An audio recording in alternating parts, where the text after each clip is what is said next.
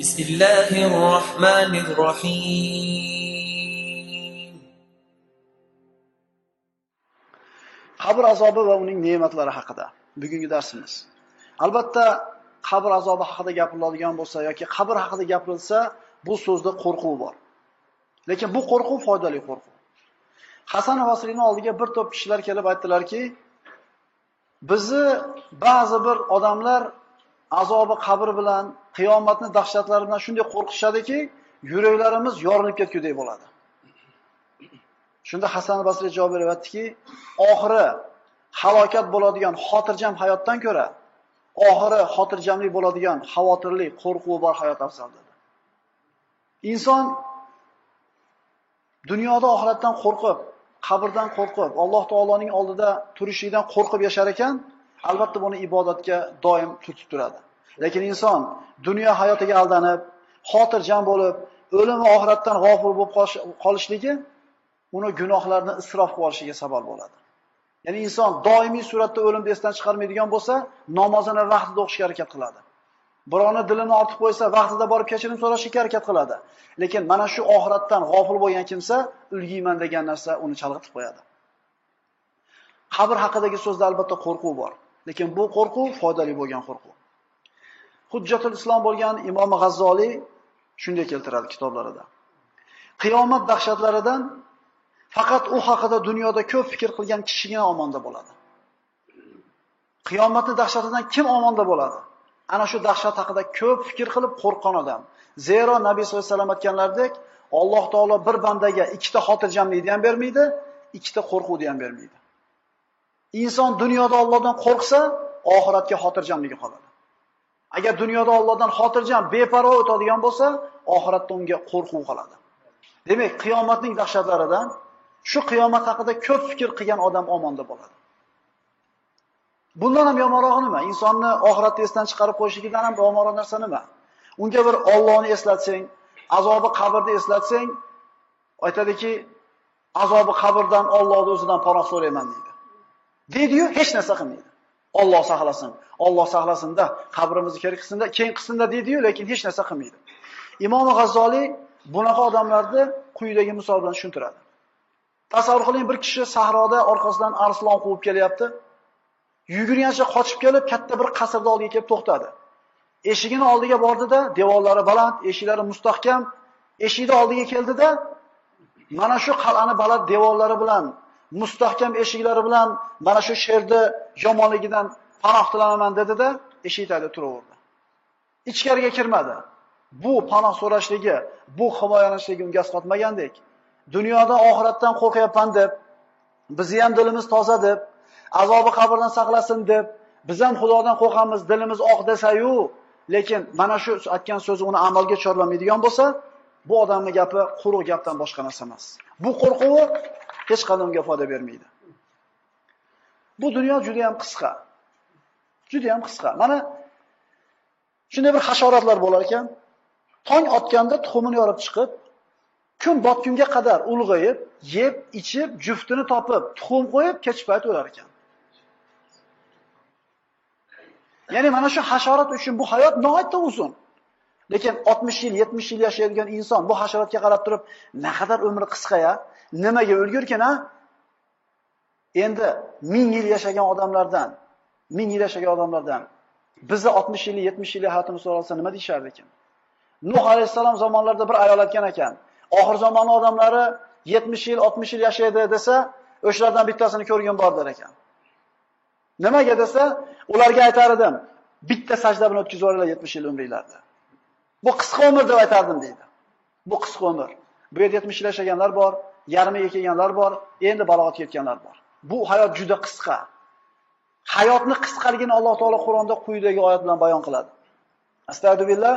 Qala kam labistum fil ardi adada sinin? Qalu labisna yawman aw ba'da yawm fas'alil 'adin. Alloh taolo kofir bandalarni qiyomatda hisob-kitob qilib so'raydi. Yerda qancha yil turdinglar? Ular aytadilar, bir kun yo yarim kun sanab turguchi farishtalaringdan so'ragin. Bir kun yo yarim kun. Har kim necha yoshga kirishigidan qat'iy nazar, necha yoshga kirganligidan qat'iy nazar orqasiga qarasa, bir kun yo yarim kun yashaganga o'xshaydi. Ming yil yashagan bo'lsa ham, bir yil yashagan bo'lsa ham. Alloh dedi: Agar sizlar biladigan bo'lsangizlar, dunyoda juda oz turdingiz. Ya'ni sizlar abadiy deb o'ylagan hayotinglar juda oz muddat edi. Birodarlar, 100 yilda oldida 70 yil nima? 1000 yilda oldida 70 yil nima? Endi abadiyatni oldida 70 yil nima? Mana shu hayot peshonamizda turibdi. Mana shu hayot oldimizda turibdi. Yoki sizlarning gumoningizcha dedi Alloh taolo. afahasibutum annama xalaqnakum abatan va annakum ilayna la turja'un? Mana qo'limdagi qalam ma'lum bir maqsadda yasalgan, yaralgan emas, yasalgan. O'zini ishini bajara olmay qolgan kuni irg'itilinadi.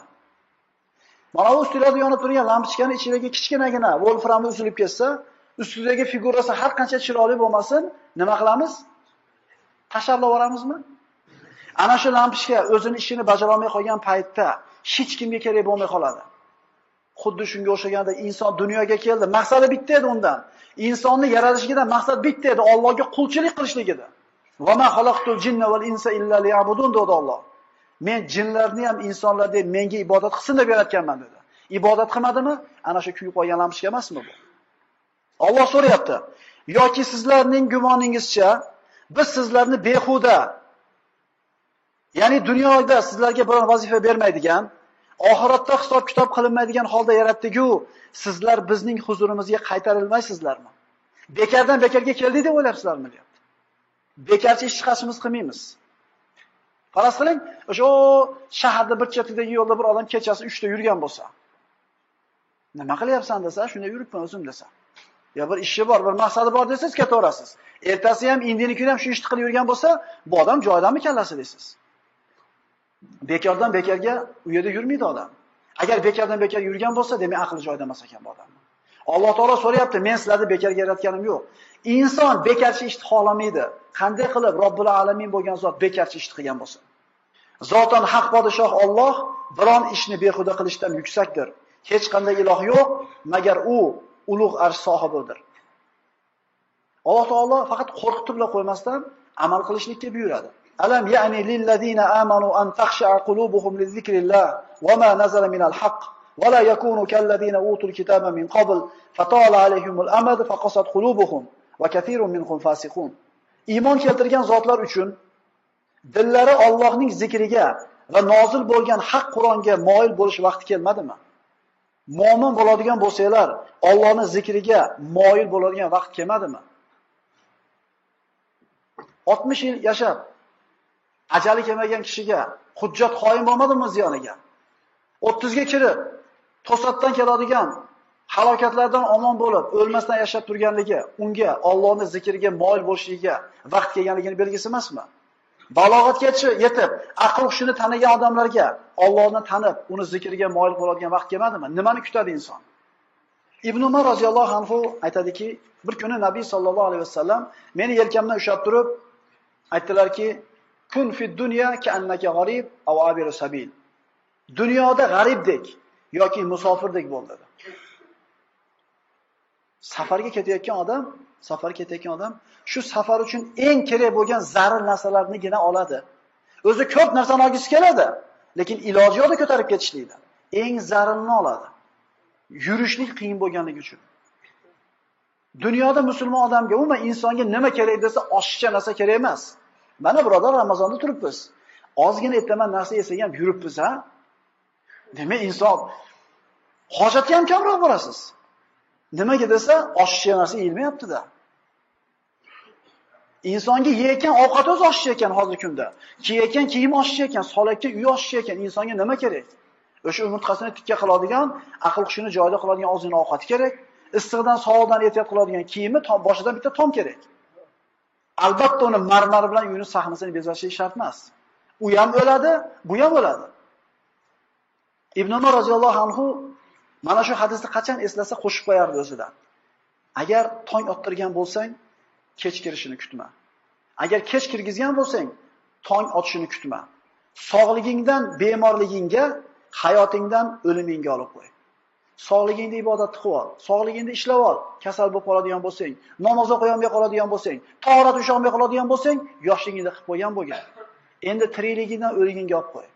Mana aytdik, qaysi sadaqa afzal desa, sog'lom, baxil, kambag'al bo'lib qolishdan qo'rqib, boy bo'lishingdan umidvor bo'lib turgan holingda qilgan sadaqang afzal. O'layotganingda falonchiga po'kincha, po'kinchiga po'kincha dema, endi pul o'shalarniki dedi Nabiy sollallohu alayhi vasallam.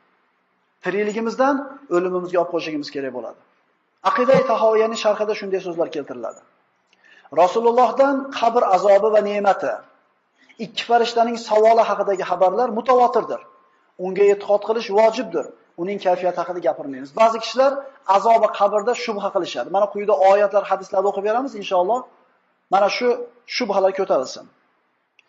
Bu ishlar g'aybiy ishlardan. G'ayb ishlarida faqat oyatga, hadisga da keltirilgan narsaga aytamiz.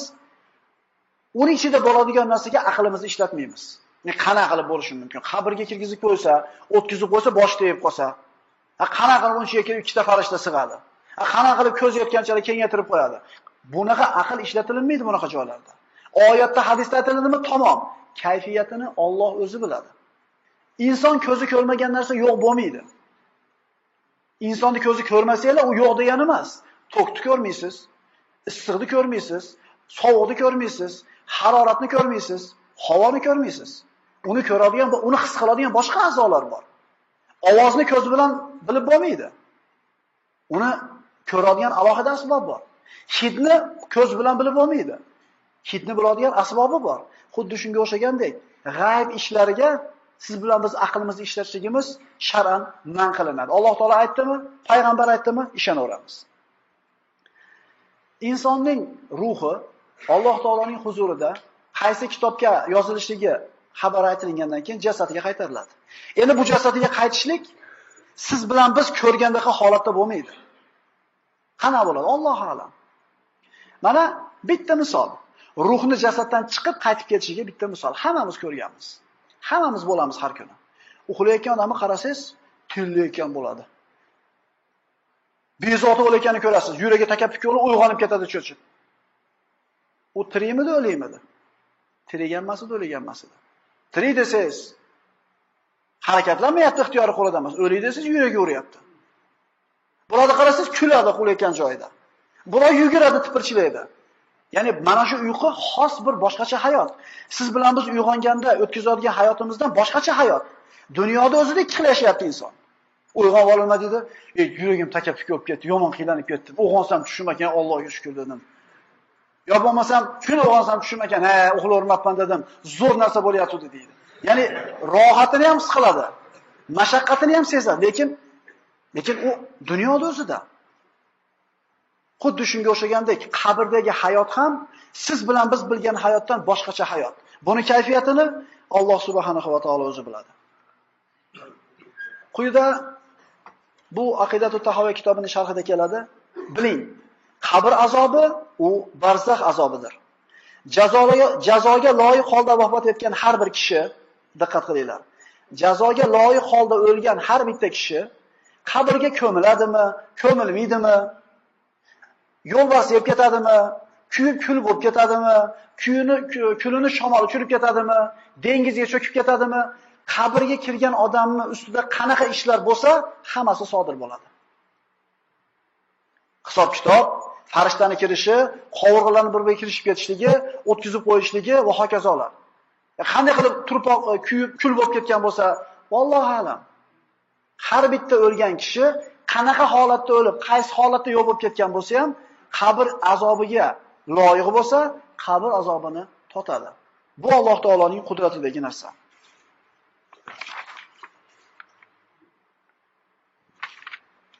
Qabr azobi haqida ko'p hadislar kelgan va ulamolar ba'zi oyatlarni azobi qabrga ishora deb ittifoqqa kelishgan. Ana shu oyatlardan biri. ولو ترى إذ الظالمون في غمرات الموت والملائكة باسط أيديهم أخرجوا أنفسكم اليوم تجزون عذاب الهون Ey Muhammad bu zolimlarni o'lim girdobida qolgan o'lim farishtalari qo'llarini cho'zib jonlaringizni beringiz bu kun Alloh sha'niga nohaq gaplarni aytganingiz va uning oyatlaridan yuz o'girib kibri havo qilganingiz sababli xorlik azob bilan jazolanadigan kuningizdir boshqa oyat Sanu'azzibuhum marratayn summa yuradduna ila azabin azim. Biz deydi Alloh taolo, ularni qayta-qayta azoblaymiz. Ya'ni ikki marta azoblaymiz deydi. So'ngra buyuk azobga kirib ketadi. Buyuk azob qachon bo'ladi? Qiyomatda bo'ladi. Shu qiyomatgacha nima deyapti Alloh? Ikki marta azoblaymiz deydi. Bittasi dunyodagi qatl qilinishligi, dunyodagi xorligi bo'lsa kofirlarda. Ikkinchisi qabrdagi azob. Uchinchisi qiyomatdagi azob deyilyapti. Mana shu oyatdan bilinib turibdiki, azobi qabr haq. Quyida o'qiganimiz oya karimadagi dalilni ulamolar azobi qabrni bor ekanligining eng katta dalili deyshadi. Va haqa bi ali fir'auna su'ul azab. An-naru yu'raduna 'alayha ghuduwan wa 'ashiyya va yawma taqumu as-sa'atu fa adkhilu azab. Mana hammamiz bilamiz, Musa alayhisalom qissasida o'qiganmiz. Fir'avn oilasi mana suvga cho'kib o'lgan Fir'avn qo'shini bilan Fir'avn oilasi erta-yu kech har kuni ikki marta azobga borib o'tiradi. Har kuni.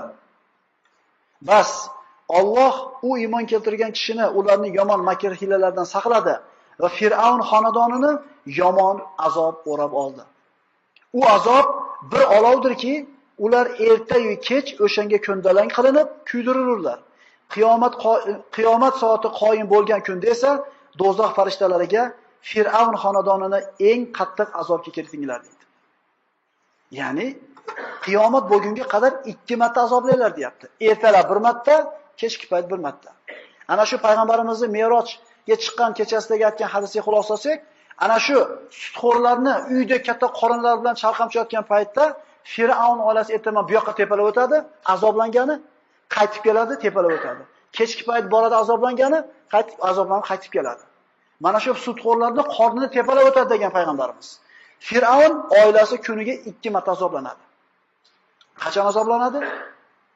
Qiyomatgacha. Qayerda azoblanadi? Qada ular hozir? Qabrda. Suvga cho'kib ketdi-yu. Yuqorida aytib o'tdik, cho'kib o'ladimi, kuyib o'ladimi?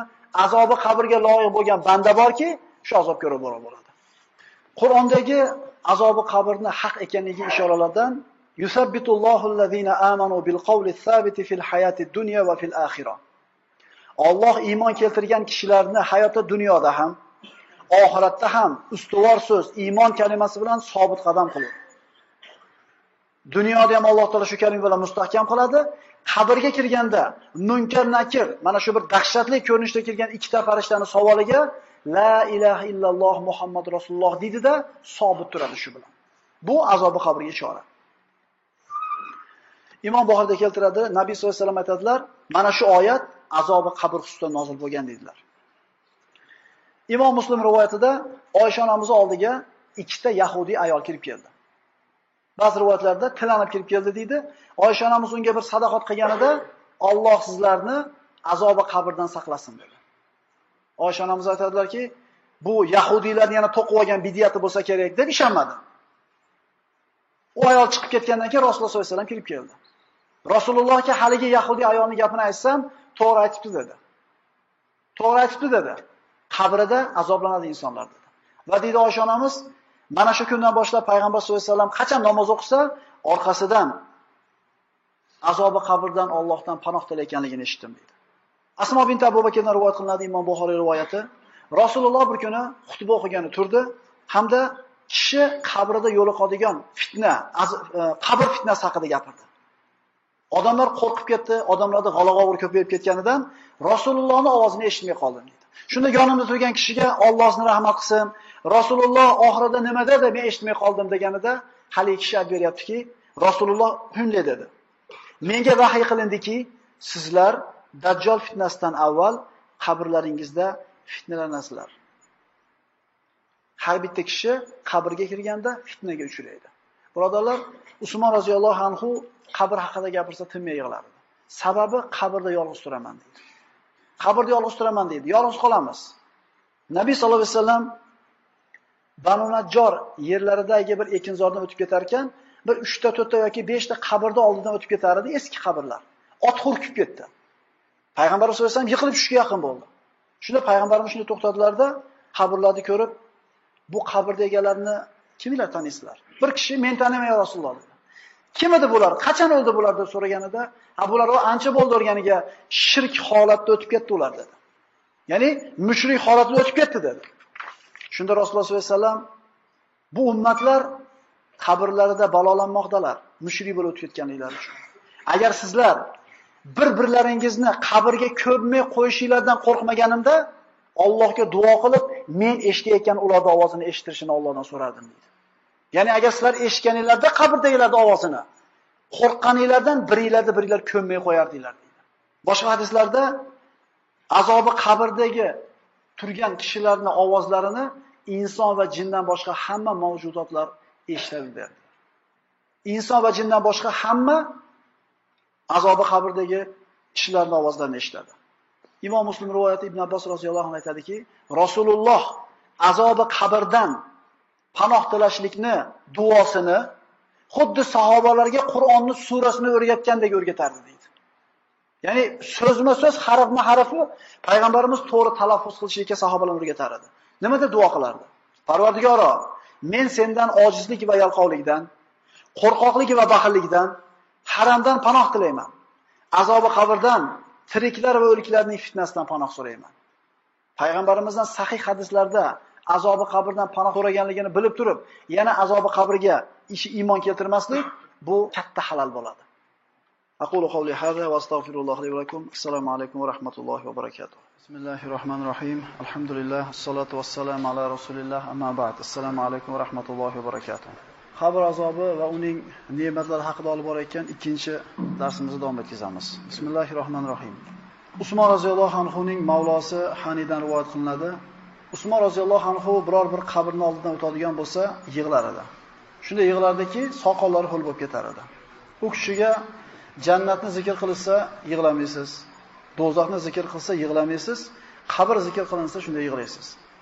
Usmon roziyallohu anhu javob berib aytdiki, qabr oxirat manzillarining avvalgisidir. Ya'ni oxiratga taalluqli joylarning birinchisi qabr bo'ladi. Agar qabrdan inson najotga erishsa, undan keyingi hamma narsa oson bo'ladi. Agar inson qabrda yengilib qoladigan bo'lsa yoki qabrda najotga ketishmaydigan bo'lsa, undan keyingi narsa hammasi qiyin bo'ladi. Chunki Nabiy sollallohu alayhi vasallamning shunday so'zdan eshitganman dedi Usmon roziyallohu anhu. Rasululloh aytgan edi: "Men ko'rgan manzillarning orasida eng qo'rqinchlisi qabr edi" deb aytadi. Ya'ni qiyomat kunida insonlar dahshatda turar ekan, atrofida odamlar bo'ladi. Jahannamga tushib azoblanadiganlarning yonida kishilari bo'ladi, lekin qabrga kirgan kishini yonida hech kishi bo'lmaydi. Qabrga qo'yib, Nabiy sollallohu alayhi vasallamdan shunday bir hadislarda keladi. Har bitta mayyit vafot qilib, janozasi o'qilib, qabrga qo'yilar ekan, ustiga tortayotgan tuproqning ovozlarini eshitadi. Oxirgi ko'mgan odam orqasiga qarab yurib borar ekan, oyoq kiyimlarining ovozlarini eshitadi. Mana shunday holatda inson yolg'iz qoladi. Mana shu kun har bittamiz boshimizda bor. Alboniydan keltiriladi Buxoriy va Muslim Abu Dovud rivoyatlari. Nabiy sollallohu alayhi vasallam zamonlarida masjidni tozalab yuradigan bir ayol bo'lar edi. Shu ayol tunda vafot qildi. Rasulullohga xabar yetkazishlikni kariq ko'rishib, u ayolni shu kechasi ko'mib qo'yishdi.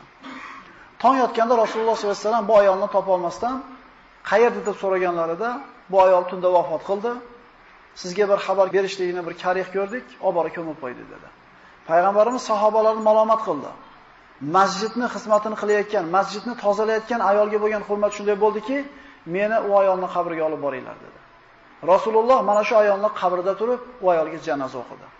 Ya'ni masjidni shupurib qo'yayotgan ayolga shunchalik Rasululloh hurmat e'tibor ko'rsatayotgan bo'lsa, masjidni qurayotgan, masjidni obod qilayotgan, masjidni xizmatini qilayotgan kishilarni islomdagi hurmati qanchaligini tasavvur qo'yaylik. Ko'p narsa ketmaydi. Juma kuni kelib palos yashib qo'yish ham masjidni obod qilishlik. Biror bir lampochka suyib qolsa, uni almashtirib qo'yish ham obod qilishlik. Masjidni biror bir toshini chekiga jildirib tartibga keltirib qo'yish ham obod qilishlik. Shu ham qo'limizdan kelmaydimi? Imom Nasoiyning sahihlarida keltirilgan hadisda Rasululloh sollallohu alayhi vasallam mana sahobalardan Sa'd ibn Muozni manzilat haqida aytadiki, Sa'dning jannatda qo'lini artib tashlab oladigan dastro'moli dunyodagi hamma narsadan afzal deydi. Nimaga endi Sa'd ibn Muoz haqida gap boshladik? Sa'd ibn Muoz roziyallohu anhu Madinalik ansorlardan edi. Rasulullohning eng ulug' sahobalaridan, ansorlarning sayyididan edi. Bu kishining islomi bilan juda ko'p Madinaliklar iymonga kelgan edi. Xandaq g'azotida jarohat oladida, mana shu tufayli shahid bo'ladi. Nabiy sallallohu alayhi vasallam Sa'd roziyallohu anhuning fazilati haqida aytadiki, Sa'dning jannatdagi dastro'moli dunyo va uning ichidagi hamma narsadan afzal deydi. Ya'ni Sa'dni bitta qo'ldan tashlab oladigan ro'moli, dastro'moli yoki ro'molchasi dunyodagi hamma narsadan afzal deydi. Shu sahoba vafot qilganida Alloh taoloning arshi titragan edi. Nabiy sollallohu alayhi vasallam aytadilar: "Buning vafoti uchun Rahmonning arshi titradi.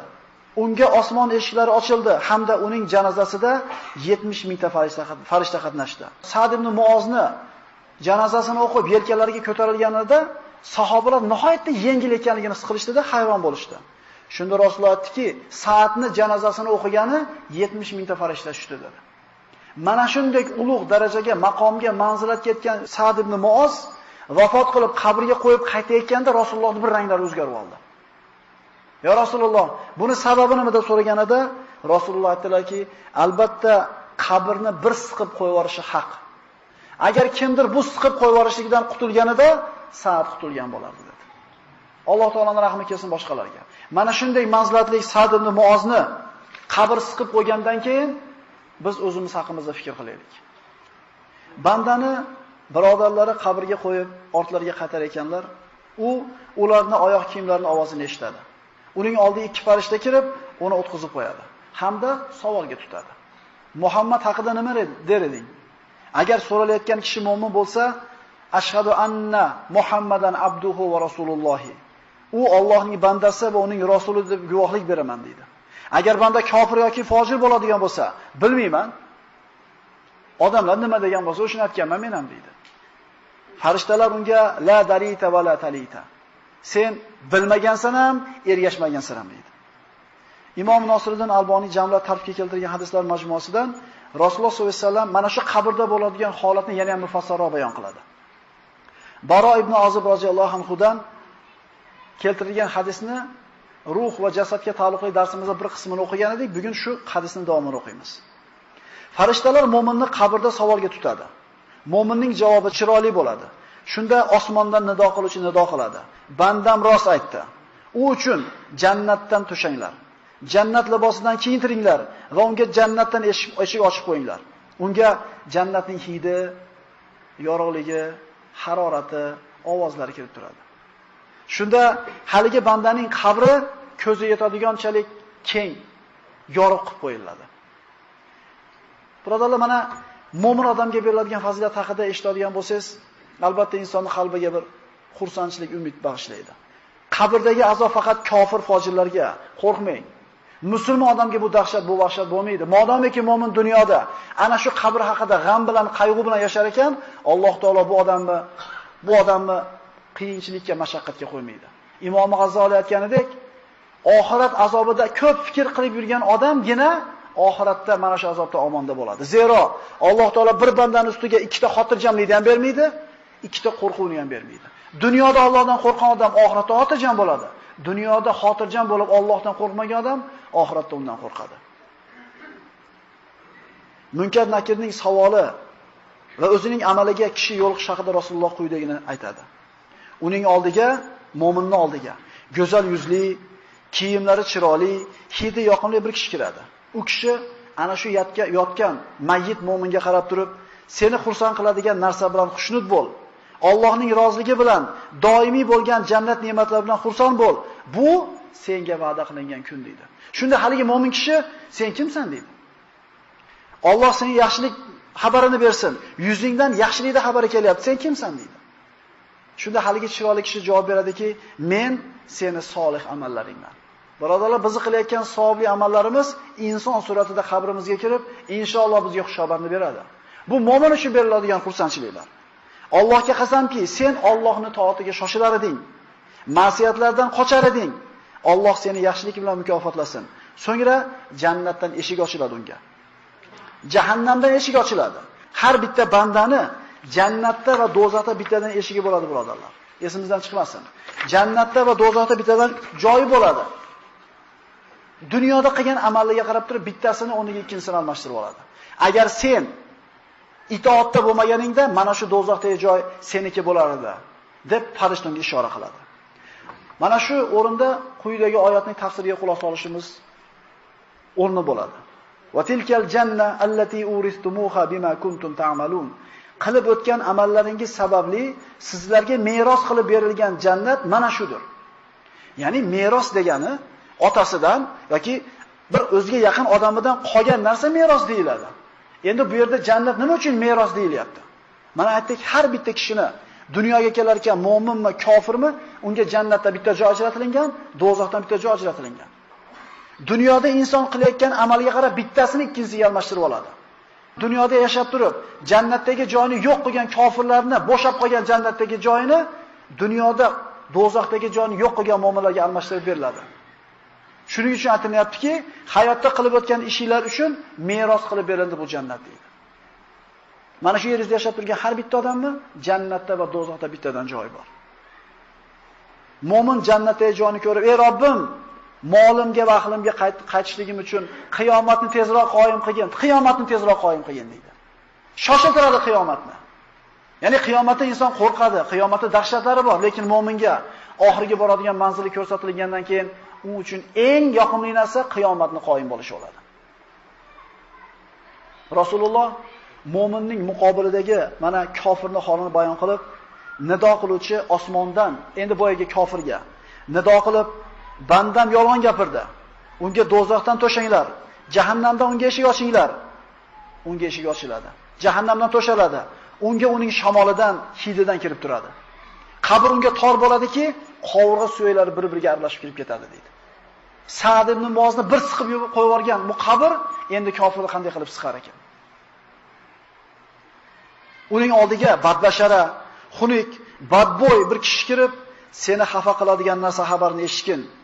Mayit unga, "Kimsan sen? Kimsan? Seni yuzingdan yomonlik alomatlari bilinib turibdi. Kimsan?" deganda, "Men seni hayotda qilib o'tgan yomon amallaringman. Seni qachon ko'rgan bo'lsam, ma'siyatga shoshilar eding, toatdan uzoq bo'lar eding. Senga va'da qilingan shu kun shu, seni Alloh yomonlik bilan jazolasin." Shu yerda o'zimizga savol beraylik. Biz oyog'imiz qaysi tomonga osonlik bilan ketadi? Gunoh ma'siyat qilishlikkami yoki itoatgami? Juma bo'pti deb ertaroq harakat qilamizmi yoki kech qolibroq kelamizmi? 1.5 ga taqab.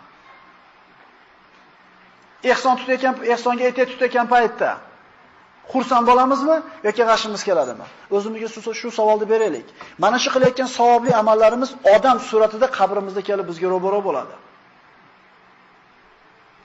So'ngra bu kofirga ko'r, kar, soqo bir farishta biriktiriladi. Ko'r, kar, soqo. Buni qo'lida temirdan bo'lgan bir gurzusi bo'ladi dedi Rasululloh. Bu gurzi bilan agar tog'ni ursa tuproq qilib tashlaydi dedi. Mana shu biriktirilgan ko'r, kar, soqol farishta uni bir zarba urganda tuproq qilib tashlaydi. So'ngra Alloh taolo uning qaytadan jasadini tiriltiradi, yana uradi. yana tiriladi, yana uriladi, yana yig'ishtiriladi. Qiyomatgacha davom etadi bu narsa. Boshingizga biror bir tosh bilan bir ursa qanday azobni sezasiz? Endi qiyomatgacha mana shu zarba bilan yotishlik, yotmaslik biz ixtiyorimizda turibdi. So'ngra unga o'tdan bir eshik ochiladi. Hamda o'tdan uning ostiga to'shaladi. U kofir, "Ey Robbim, qiyomatni qoyim qilma, qiyomatni qoyim qilma" deydi. Chunki ana shu eshikdan kelayotgan azob, bitta farishtani berayotgan azobi qattiqligini ko'rib turib, agar bunisi shunchalik og'ir bo'lsa, qiyomatdagisi qanday bo'ladi? Qiyomatni qoyim qilma Parvardigor deb duo qiladi.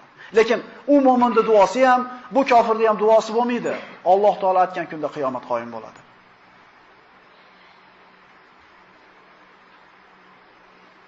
Rasululloh sollallohu alayhi vasallam azobi qabrga sabab bo'ladigan ba'zi ishlarni hadislarda ko'rsatib o'tib ketdi. Imom Buxoriy va Muslim keltirgan hadisda Nabiy sollallohu alayhi vasallam ikki qabr oldiga keldilarda, mana shu ikkisi, mana shu ikkita qabrda yotgan kishi azoblanyapti. Lekin katta narsa bilan azoblanayotgani yo'q.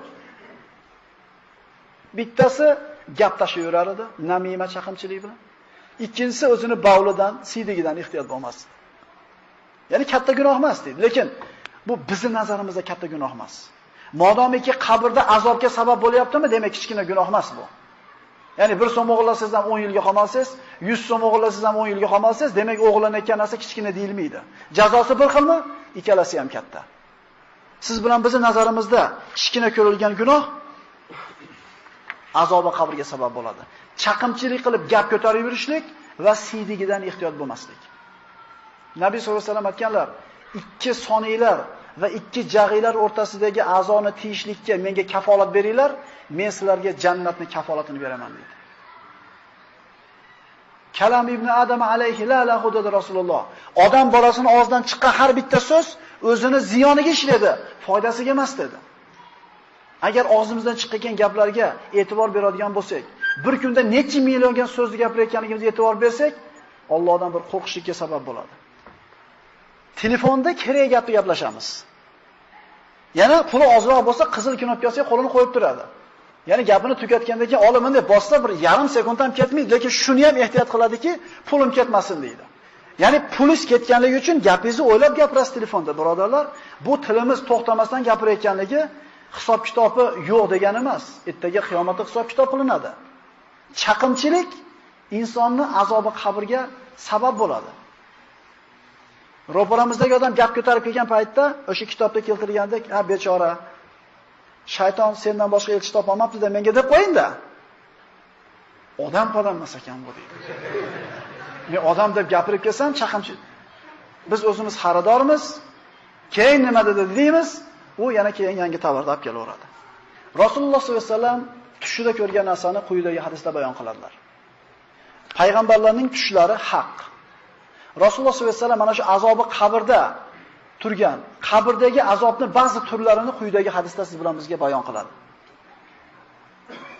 Rasululloh shuni aytib berar ekan, tunda ikki kishi meni oldimga kelganini ko'rdim. U ikkisi meni qo'limdan ushlab, keng bir yerga olib chiqdilar. Bir kishi o'tirgan edi, ikkinchi kishi uni yonida temirdan bo'lgan ilmoq bilan turar edi. O'tirgan kishi chalqamcha yotdi, ustida turgan kishi qo'lidagi temir bilan haligi kishini yonboshlatib turib, og'ziga temirni tiqdi, quloqini oldigacha tortib yirdi. So'ngra ikkinchi tomonga yonboshlatib turib, sog' tomoniga solib, uni ham yirdi. Ikkinchi tomonni yirar ekan, birinchi tomonda asl holatiga kelib qolar edi. So'ngra yana bu tomonga boshlab, birinchi tomonni yirardi. Mana shu holat qiyomatgacha davom etadi Rasululloh. Men bu ikkisiga bu kim? Bu nima deb so'radim. Ular yuring, yuring dedi. Yana yurdik. Bir kishi yerda osmonga qarab yotar dedi Rasululloh. Boshqa kishi esa uni ustida katta xarsang tosh bilan turardi. Tosh bilan uni ustiga kelib, yerda yotgan odamni boshiga tosh bilan urib boshini pachaqladi. Boshini pachaqlagan tosh yumalab nariyoqqa ketdi. Toshni urgan kishi toshni olib kelgani borib qaytib kelguncha pachaqlangan boshini tikka olardi. Qaytib kelib, yana urib boshini pachaqlardi. Bu qiyomatgacha davom etadigan holat edi. Rasululloh sollallohu alayhi vasallam bu kim? Bu nima holat deganda bu ikki farishta yuring, yuring dedi. Bu nima dedim? Farishtalar yuring, yuring deyishdi. Yana yurdik. Usti tor, tagi keng, katta bir chuqurga oldiga bordik. Bu chuqur tandirga o'xshar edi. Bu chuqurga erkak ayollar osilgan holatda turardi. Bu chuqurda ostidan dedi Rasululloh o't yaqilardi. O't sekinlik bilan ko'tarilib kelib, osilib turgan erkak ayollarni oslaridan urganda baqirib, dod solib, chuqurdan chiqib ketishlikka o'xshab bir harakat qilishar edi. O't qaytganda yana asl holiga qaytar edi. Yana o't qaytib kelar edi, yana ular baqirar edi, o't qayt qiyomatgacha davom etadi. Bu kim? Bu nima holat desam, yuring, yuring dedi. Yana yurdik. Qondan bo'lgan daryo oldiga keldik. Daryo qon. Daryo sohilida bir kishi turar edi. Boshqa bir kishi esa mana shu qonli daryodan suzib kelib chiqmoqchi bo'ladi. Qirg'oqqa kelib intilgan paytda sohilda turgan kishi qo'lidagi toshlar bilan og'zini urib, sindirib pachaqlar edi. Unga chiqishga imkon bermadi. Qayta orqaga suzdi, yana kelib chiqishlikka harakat qilsa, sohildagi odam yana tosh bilan urib pachaqlayapti. Bu kim? Bu nima holat desa, farishtalar yuring, yuring deyishdi. Payg'ambar sollallohu alayhi vasallam aytadilar, yana yurdik. Ko'm-ko'k bog' oldiga keldik. U bog'da ulkan bir daraxt bor edi. Dara ostida bir oqsoqol o'tirar edi, uni atrofida ko'p yosh bolalar bor edi. U daraxtga yaqin bir joyda yana bitta kishi olov yoqib turar edi. U ikki farishta meni daraxtga olib chiqishdi. U yerda men umrimda ko'rmagan juda ham katta, go'zal bir hovliga kirdim. U yerda chollar, yigitlar, ayollar, yosh bolalar bor edi. So'ngra bu hovlidan chiqdik, yuqoriga qarab ko'tarildik daraxtdan. Avvalgi hovlidan ko'ra yana ham chiroyliroq bo'lgan xonadonga kirdik. Bu yerda chollar va yigitlar bor edi deydi. Shunda men ularga qarab, meni bu kecha sayohat qildirdinglar. Ko'rgan narsalarni xabarni aytib bering dedim. Ular ha deb javob berishdi. Siz ko'rgan og'zi yirtilayotgan kishi bu yolg'onni gapirib, ufqni to'lizib tashlaydigan kishi. Ertamandan kechgacha yolg'on gapirgan kishini qabrida qiyomatgacha oladigan azobi mana shu. Tortib ko'ringlar. Temir bilan emas, qo'l bilan tortib ko'ringlar nima bo'lar ekan. Chim deb ko'ringlar bir joylarda. Bir yig'inani sayib ko'ringlar nima bo'lar ekan? Endi qiyomatgacha. Bu dunyodagi azob har qancha og'ir bo'lsin, bitta o'lsangiz qutulasiz. Lekin bu qiyomatgacha bo'ladi. Siz ko'rgan boshi pachaqlanayotgan, pachaqlanayotgan kishi bu diqqat qilinglar. Alloh unga Qur'on bergan kishi. Bu shunday kishiki, tunlari o'qimasdan uxlab, kunduzlar unga amal qilmaydi. Qur'on berilgan kishi kechqurun Qur'on tilovati bilan tunini qoyim qilmasdan, kunduzi shu oyatlarga amal qilmasdan yuradigan bo'lsa, buni qiyomatgacha azobi qabrda boshini pachaqlanishligi. Ota-onasini qistob bilan Qur'onni yodlab olgan bolalar bor. Keyin qarasang, hayotida umuman Qur'onda yo'qligini ko'rasan. Hamma gunoh ma'siyatga berilganligini ko'rasan. O'shuncha birodarlar, ana bitta qori demaylik. U bitta odam. Undan hech qachon ibrat olinmaydi. Islomga qarab turib odamlarga baho beramiz.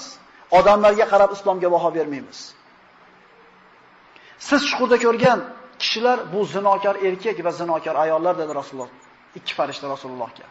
E'tibor bersangiz, o't kelib ularda taydan urganda ayni zino qilgan a'zolarga tegyapti.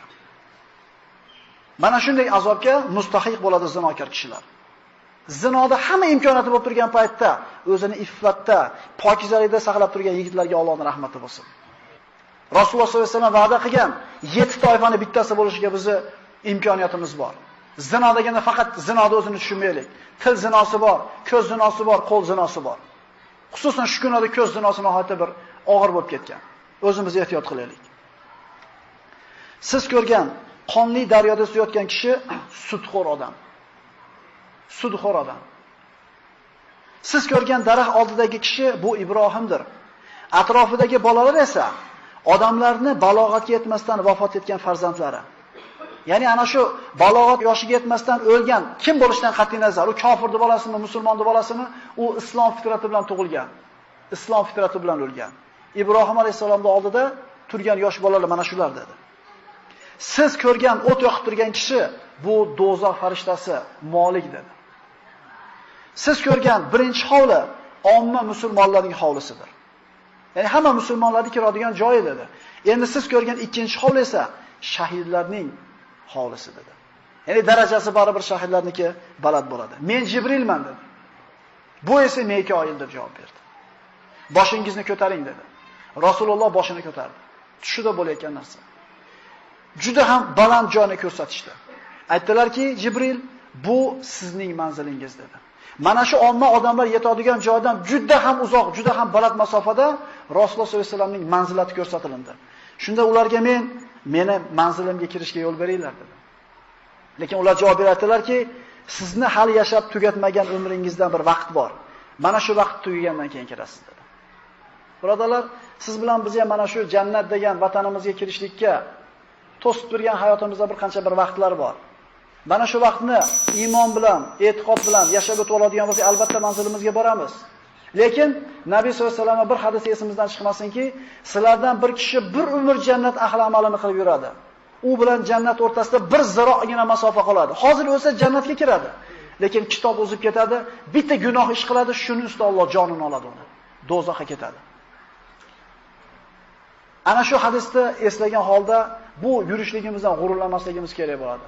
Bilaks Alloh taoladan iymon bilan, taqvo bilan kechishlikni hammamiz so'rashligimiz kerak bo'ladi. Aqulu qawli hada va astagfirulloh li va lakum. Assalomu alaykum va rahmatullohi va barakatuh. Bismillahir rohmanir rohim. Alhamdulillahi robbil alamin. Assalatu vassalamu ala Muhammadin va ala alihi va ashabihi ajma'in. Amma ba'd. Assalomu alaykum va rahmatullohi va barakatuh. Inshaalloh bugun qabr azobi va ne'matlar haqidagi darsimiz oxirgisi bo'ladi. Inshaalloh ertadan qiyomatni kichik alomatlari degan darsimiz boshlanadi inshaalloh. Kechagi darsimizda mana o'qigan hadisimiz bir qatorga qo'yamiz. Nabiy sollallohu alayhi vasallamdan Imom Ahmad rivoyatlari Rasululloh sollallohu alayhi vasallam shunday dedilarki, qabrning bir siqib qo'yib yuborishi bordir. Haqdir. Agar mana shu siqib qo'yib yuborishligidan kimdir omon qolishi mumkin bo'lganida Sa'd ibn Muoz qutulgan bo'lardi. Bu azobdan insonni nima qutqarishi mumkin? Nima insonni qutulishiga sabab bo'ladi? Abu Hurayra radhiyallohu anhudan Nabiy sollallohu alayhi vasallamdan rivoyat qilinadi. U zot aytadilarki, odamlar mayyitni qo'yib qabriga ketayotganlarida mayyit uni qo'yib ketayotgan kishilarning oyoq kiyimlarining ovozini eshitadi. Agar u mo'min bo'lsa, namozi bosh tomonida turadi. Ro'zasi o'ng tomonida turadi. Zakoti chap tomonida, sidq, silatul rahim, odamlarga qilgan ma'ruf va ihsoni oyoq tomonida bo'ladi. Uni so'roq savolga tutadigan, fitnaga uchratuvchi farishtalar kirib, savolga tutmoqchi bo'lib, bosh tomonidan kelgan paytda namozi men tomondan sizlarga yo'l yo'q deb qaytaradi. O'ng tomonidan kelsa, tutgan ro'zasi men tomondan yo'l yo'q deydi. Chap tomonidan kelsa, zakoti, oyoq tomonidan kelsa, sidq, silatur rohim, amri ma'ruf nahy munkarlari qaytaradi. Ya'ni mana shu hayotda qilib o'tgan ishlari unga bir chiroyli suratdagi inson suratida shakllanib keladi deb kechagi darsimizda aytdik. Endi mana shu qilgan savobli amallari uni to'rala tomonidan o'raydida savol so'roqga, hisob kitobga yo'l qo'ymaydilar. Ali roziyallohu anhudan bir qancha bir nasihatlar bor. Bugun mana shu qabr haqidagi darsimizni tugatar ekanmiz, bir qancha nasihatlarni o'qiymiz inshaalloh. Ali roziyallohu anhu aytadi: Dunyo orqaga qarab ketmoqda. Oxirat esa oldiga qarab kelmoqda. U ikkisining farzandlari bor. Oxirat farzandlaridan bo'linglar. Dunyo farzandlaridan bo'lmanglar. Bugun amal bor. Hisob kitob yo'q. Ertaga hisob kitob bo'ladi, amal bo'lmaydi. Ya'ni soddaroq qilib aytadigan bo'lsak, insonni hayoti orqasiga qarab ketadi. Umri ozayishga qarab ketyapti. Bir insonga 70 yillik yoki 60 yillik umr berilgan bo'lsa, har o'tgan kuni umrini umridan bir kunni qisqartiryapti. Hayoti orqaga qarab ketyapti. Musulmon odam har bitta o'tgan kuni uni ajalga yaqinlashtiryapti. Oxirat esa oldiga qarab kelmoqda. Ya'ni oxiratga qarab yetib boryapmiz. Dunyoni ham, oxiratni ham o'zini farzandlari bor deydi. Imom Ali.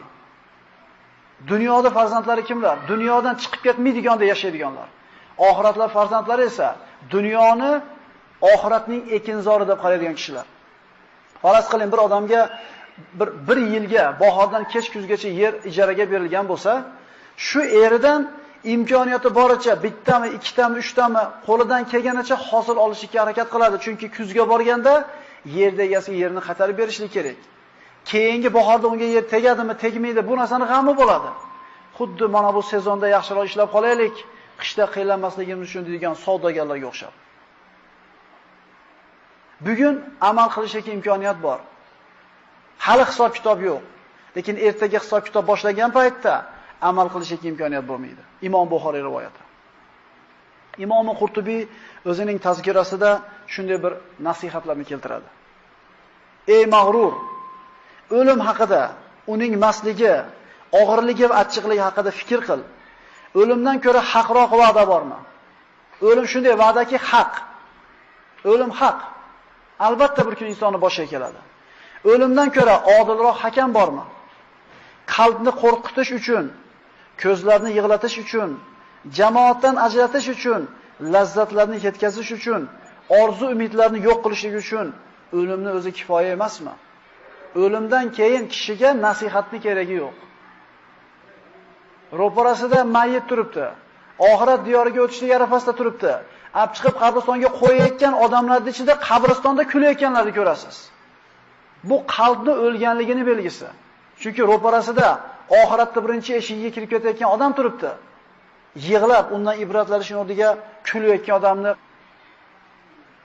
Ey odam bolasi, bir kun kelib yiqiladigan kuning haqida fikr qildingmi? O'z makoningdan to yerga ko'chishing, do'sting, hamrohing, oilang seni tashlashligini, aka-ukalaringdan ajrashligini o'yladingmi?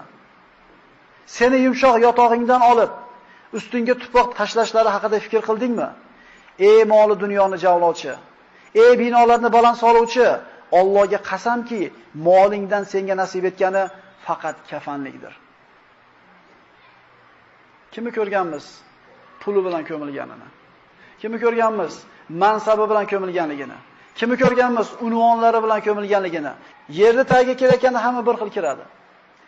Avvalgi darslarimizda o'tdik. Rasululloh sollallohu alayhi vasallamdan eng afzal sadaqat qaysi deb so'raganida o'zing sog'lom, baxil, kambag'al bo'lishdan qo'rqib, boy bo'lishlikdan umidvor bo'lib turgan paytingda qilgan sadoqating afzal deyildi. Ya'ni o'zingga kerak bo'lib turganda qilgan ehsoning afzal dedi. Qachoniki xalqu menga kelgan paytda joning dedi Rasululloh. Falonchiga moncha o'tkizdim, fo'kinchiga moncha o'tkizdim demagin, muhlatni boy berib qo'ymagin. U payt kelganda pul sen aytmasang ham o'shlarniki bo'ladi dedi. Chunki kerak bo'lmay qolgandan keyin berayotgan pulingiz bilan o'zingiz muhtoj bo'lib turgan paytingizda bergan pulingiz afzal. Nabiy sollallohu alayhi vasallam aytganlaridek, man xofa adlaja. Kim qo'rqsa, ertaroq harakat qiladi. Va man adlaja balag'al manzil. Endi kim ertaroq harakat qilsa, albatta manzilga yetadi. Bu yerda o'tirganlarda hali safari tugagani yo'q. Hozircha. Harakatimizni qilib qolaylik, chunki bu qabr bizning asl vatanimiz. Inson bolasi to'rtta bekatdan iborat hayoti deganmiz. Onani qorni, dunyo hayoti, qabr hayoti, oxiratdagi abadiy hayoti. Bu onani qornida ixtiyor yo'q edi. Dunyoda ixtiyori bor, qabrga kirganda ixtiyor bo'lmaydi, oxiratda natijani kutasiz, hech qanday ixtiyor yo'q. Biz mana shu ikkinchi hamma narsani hal qiladigan hovlida turibmiz. Kimga 10 yil qoldi, kimga 5 yil qoldi, kimga qolmadi umuman. Seni molingdan Allohga qasamki, senga nasib etgani faqat kafanlikdir. Qarang, boyni ham, kambag'alni ham bir xil suribga o'raladi. Ipakka o'ralmaydi. E, ipakka o'raladimi? Ikkalasiga ham bir xil metr ketadi. yoki birini qabrning ichiga ham kafil terib chiqadimi? Ha, ustiga qilib qo'yadi. U ustiga. Ana shu ustiga qilayotganlar o'zlari uchun qilyapti uni. Ya'ni ana shu o'tgan otasiga yoki onasiga hurmatini ko'rsatishligi uchun 1-2 ming dollar sarflab qo'yadi ustiga. Vaholanki tirikligida xabar olganmi undan? Orqasidan 2 rakat namoz o'qib, peshonasini yerga qo'yib, Parvardigor, Robbi g'firli va li validayya deganmi? Hayt kelganda bir to'rtta oqsoqol chaqirib ehson qilib qo'yadi, bo'ldi. Demak, yer tagiga kirishlik bir xil bo'ladi, lekin yer tagidagi holatlar bir xil bo'lmaydi. Seni jamlagan moling qani? Seni dahshatdan saqladimi? Yo'q. Sen uni seni maqtamaydigan odamlarga tashlab ketding. Seni eslamaydiganlarga tashlab ketding. Opa dadasini kim eslaydi hozir? O'sha opa dadasidan qolgan pul dadasiga qolgan, dadasi o'lsa bolasiga qoladi. Kim katta otasini eslayapti? Kim katta otasini, otasini eslayapti? Inson o'zi uchun o'tkazib qolmaydigan bo'lsa, o'zingiz o'zingiz uchun o'tkazmasangiz, qanaqa qilib nevarangiz uchun o'tkazsin? Chunki o'zingizdan siz baxillik qilganda qanday qilib bobosiga nevara o'tkazsin? Abu Dardo roziyallohu anhu aytadi, 3 kishi meni yig'latdi, 3 kishi meni kuldirdi hayotda Hayotdagi odamlarga qarab, 3tasini ko'rib kuldim, 3tasini ko'rib deydi, yig'ladim deydi. Kuldirgani deydi. Dunyo orzusi shunday ko'pki, ortidan o'lim quvalab yuribdi. Orqasidan o'lim quvalab yuribdi uni. U hali ham dunyo bilan yuribdi. Buni ko'rib kulgim keladi deydi. Ya'ni yoshi falon joyga borib qolgan bo'lsa ham yana tijorat, yana uy-joy, yana bola chaqa, yo bir to'y, boshqa narsalar bilan 60 yilga ajalini surib qo'ygan banda uchun dedi Rasululloh, uzr qolmadi dedi. 60 yil yashadimi? Endi dunyo ishidan qo'lini yuvib, oxirati bilan ovora bo'lsin deyapti Rasululloh. O'lim bitta yog'i go'rga osilib qoldi, yana nevaramga yer olib qo'y. Nevaramga pullarni solib qo'y. Mendan keyin qiylanib qolmasin. O'zingni g'amingni ye.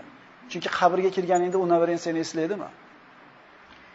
Ikkinchi meni kuldirgan kishi o'zi g'ofil, ammo undan g'ofil g'ofil bo'linmagan. Ya'ni o'limni esdan chiqarib qo'ydi-yu, lekin o'lim uni esdan chiqargani yo'q. Uni orqasidan chiroyli bir vaqtini poylab yuribdi. Vaqt kelgan paytda shunday adashmasdan olib ketadi. Meni kuldirgan 3-kishi og'zini to'ldirib kulgan kishiki, Alloh undan rozimi, norozimi bilmaydi, lekin mazza qilib kulib yuribdi. Rasululloh sollallohu alayhi vasallam hech qachon qahqaha otib kulgan emaslar.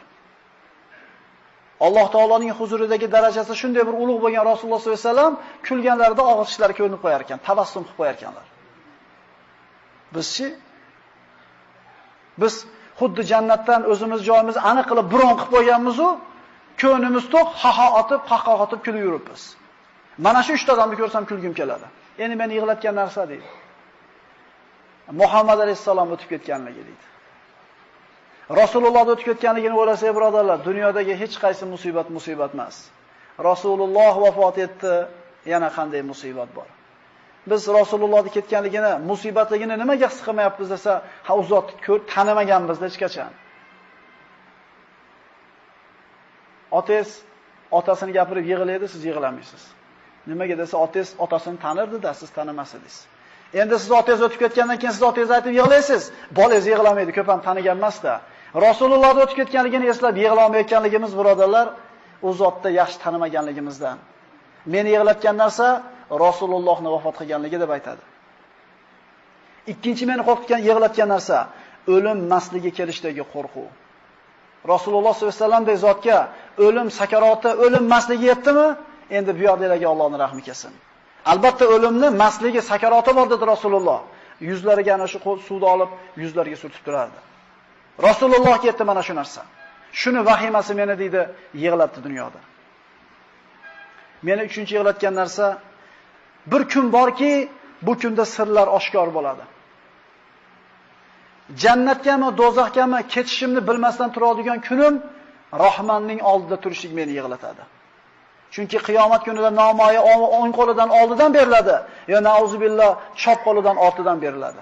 To nomoyi amoli qaysi qo'ldan olinganligi aniq bo'lmagunicha mu'min kishi qo'rquvda turadi. Biz mana shu narsalar haqida ham qilamizmi? O'lim haqida, qabr haqida aytilgan mav'izalar nihoyatda ko'p. Lekin ularning ichidagi shubhasiz eng afzali Umar ibn Abdul Azizning qilgan nasihati. Umar ibn Abdul Aziz mana Umar ibn Hattobning zurriyotlaridan. Xulofoi roshlarning 5-si deyiladi. O'rtada bir qancha bir vaqt o'tganligiga qaramasdan, ana shu eng to'g'ri yo'lda turgan 4 ta xalifaning 5-si deb e'tibor qilinadi. U zot nima dedi? Umar ibn Abdul Azizning nasihati quyidagicha bo'ldi. U bir kishining janozasida qatnashdi, mayitni qo'yishdi, qabristondan bir chekkaga borib o'z yakka o'tirdi. Odamlar xalifaning oldi atrofida jamlanib o'tirishdi. Umar ularga nasihat qila boshladi. Umar aytdi: "Qabr menga nasihat qildi. Ey Umar, men seni yaqinlaringni nima qildim so'ramaysanmi? Kafanlarini kuydirdim, badanlarini parchaladim, qonlarini so'rdim, go'shtlarini yedim. So'ngra mendan jasadlarini nima qildim so'ramaysanmi dedi. Ikki qo'lini tanasidan ajratdim. Bilaklarini suyagidan ajratdim. Tanasidan oyoqlarini ajratdim. Tizzasini sonidan ajratdim. Tizzadan to'piqlarini ajratdim. To'piqlaridan barmoqlarini ajratdim. Bo'lib, bo'lib, bo'lib tashadim deyapti. Umar yig'ladi va dedi: Dunyoning qolishi ozdir. Undagi aziz xordir. Uning boyi faqirdir, yoshlari esa qaridir, tiriklari o'ladir. Tezlik bilan ortiga qaytishini bilib turib, dunyoni kelishi sizlarni g'ururlanmasin. Unga aldangan kishi haqiqiy mag'rur aldangan kishidir. Kelishi tez, ketishi ham shu tez bo'ladi. Kelish ketishi tezligini bilib turib oldanib qolmanglar dunyo hayotiga. Chunki o'tgan yilgi gullardan bittasi ham chiqqan emas hozir. Birodarlar, o'tgan asrda yashagan gullarda bittasi hozir yo'q. Bu asrda yashayotgan gullarni birortasi keyingi asrda qolmaydi. Oldab qo'ymasin sizlarni dunyo hayoti. Undagi shaharlarni qurgan uning yashovchilari, suvlarni daryolardan oqizib kelib, undan ichganlar, daraxtlarni sug'organlar qani? Unda ular ozgina vaqt turdilar. Ularni sog'liklari aldab qo'ydi. Kuch-quvvatlarga ishonib gunohlarni qildilar. Ular mollari ozligi sababli unga intildilar. Tuproq ularni tanalarini, qum ularni jasadlarini, qurt suyaklarini nima qildi? Ana baytud dud dedi qabr. Men qurt qumursqalarni uyman dedi. Ular ba'zilari dunyoda ne'matlarga ko'milgan, atrofida xizmatkorlari ko'p bo'lgan, yaqinlari tomonidan ziyorat qilingan, qo'shnilar tomonidan ikrom qilingan holda yashadilar-ku. Endi ularning holidan xabar olmaysizlarmi? Xuddi ana shu moli dunyosi ko'p, xizmatkori ko'p, qo'ni qo'shnisi yaxshi ko'rgan, qarindoshi ichida hurmatli bo'lganlarda kim xabar olyapti qabridan? Ularning holidan xabar olmaysizlarmi? Ularning qabrlari bir xil. Ularning boyidan boyligi haqida so'ramaysizlarmi? Ularning faqirlaridan faqirligi haqida so'ramaysizlarmi? Ularning tillari, ko'zlari haqida, nafs terilari, chiroyli yuzlari, yumshoq jasadlar haqida so'ranglar. Qurtlar nima qildi ularda? Ana shu bitta bir chiroyli ayol uchun mamlakatlar o'zaro bir bilan jang qilgan. Bir qarish yerligi yer uchun, arzimagan dunyo maqtohi uchun millionlagan odamlarning qoni to'kilgan. So'ramaymizmi? Qoni to'kilganlar qani? Qonni to'kkanlar qani? Zolimlar qani? Mazlumlar qani? Qani ular hammasi? Fa ayna tadhhabun? Alloh taolo qayoqqa ketyapsizlar deb so'raydi. Biz ham yetib borgan joyimiz o'shlar borgan joy bo'ladi. Muallif shunday bir so'zlarni keltiradi. Bog'da ketib borar ekanman, bir badbo'y hid burnimga urildi deydi. Har qancha yursam taqavormadi deydi. Bir qancha joy masofa yurib borganimda qarasam, bir itni sasib ketgan jasadi murd jussasi yotardi. Yaqinroq borib qarasam, itni shu kallasi qopdi jasadini shunday qurt qoplabdiki, qurtni ko'pligidan bir ikkinchisidan oxlab itni yeyapti, jasadini ko'mib tashlagan qurt deydi. Faqat kallasi chiqib turganligi uchun itligi bilinyapti deydi. Qabrda xuddi shu qurtlar bo'ladi, birodarlar. Qabrda hech kim bo'lmaydi. Mana shu ehtiyot qilib, kasal bo'lib qolmasin deyotgan terilarimiz, obda o'tib ketmasin deb yog'lar surkayotgan terilarimiz, soqotib qolmasin deb kiyayotgan terilarimiz qurtlarga yem bo'ladi. Esimizdan chiqmasin shu narsa. Umar ibn Abdulaziz davom etadi. Ular uchun kun bilan tun barobar emasmi endi? Qish bilan yoz, narx-navo, qanday ob-havo ularga baribir emasmi? Ular amal bilan ularni orasini to'sadigan zulmat orasida emasmi? Bog'larni tark etishdi, kenglikdan torlikka kirishdi, merosxo'rlari ularni mollarini, hovlilarini taqsim qildi. Ularning oralarida qabrlari kenglari bor. Lazzatlari bilan ne'matlanayotganlari bor. Sen qabrning ertangi egasisan. Seni dunyo nima bilan aldab qo'ydi? Bu qabrga ega bo'lish ham ne'mat birodarlar. Odamlar cho'kib ketyapti. Bo'rim-bo'ri yeb ketyapti. Kuyib ketyapti. O'zi qabrga, kafanga, janozaga Alloh akbarga ega bo'lishing ne'mat o'zi. Ertaga qolish yo qolmasligingni bilasanmi? Dabdabador hovling, yetilgan mevalaring qani? Kimga qoladi? Kimga qoladi? Kiyimingni mayinligi, hidingni xushbo'yligi qani? Qishki, yozgi kiyimlaring qani? Sendan avvalgilarni boshiga tushgan ishdan bexabarmisan? Ularni o'lim masligi kelganida chanqoq va issiq qiynaganligidan bexabarmisan? Osmondan hukm, qazo, orqaga qaytmaydigan ajal keldi.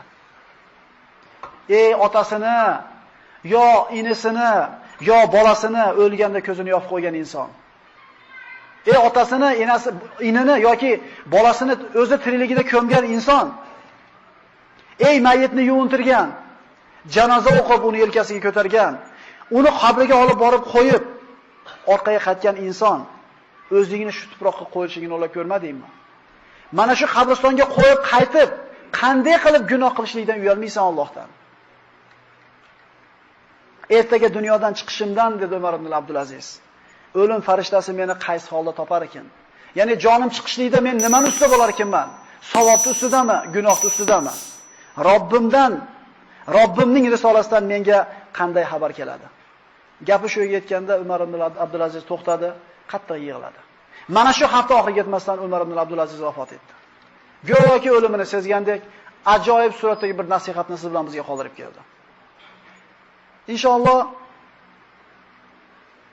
qaysi birimiz ertaga yetib borishligimizni kafilligini bera olamiz. Modomiki shunday ekan, Alloh taologa yo'liqishlikka, qabrga tayyorgarlik ko'raylik. Inshaalloh mana qabr xususidagi darsimiz bugun nihoyasiga yetdi. Ertadan qiyomatning kichkina alomatlari degan darsimizni boshlagan bo'lamiz. Aqulu qawli hada va astagfirulloh li va lakum. Assalomu alaykum va rahmatullohi va barakatuh.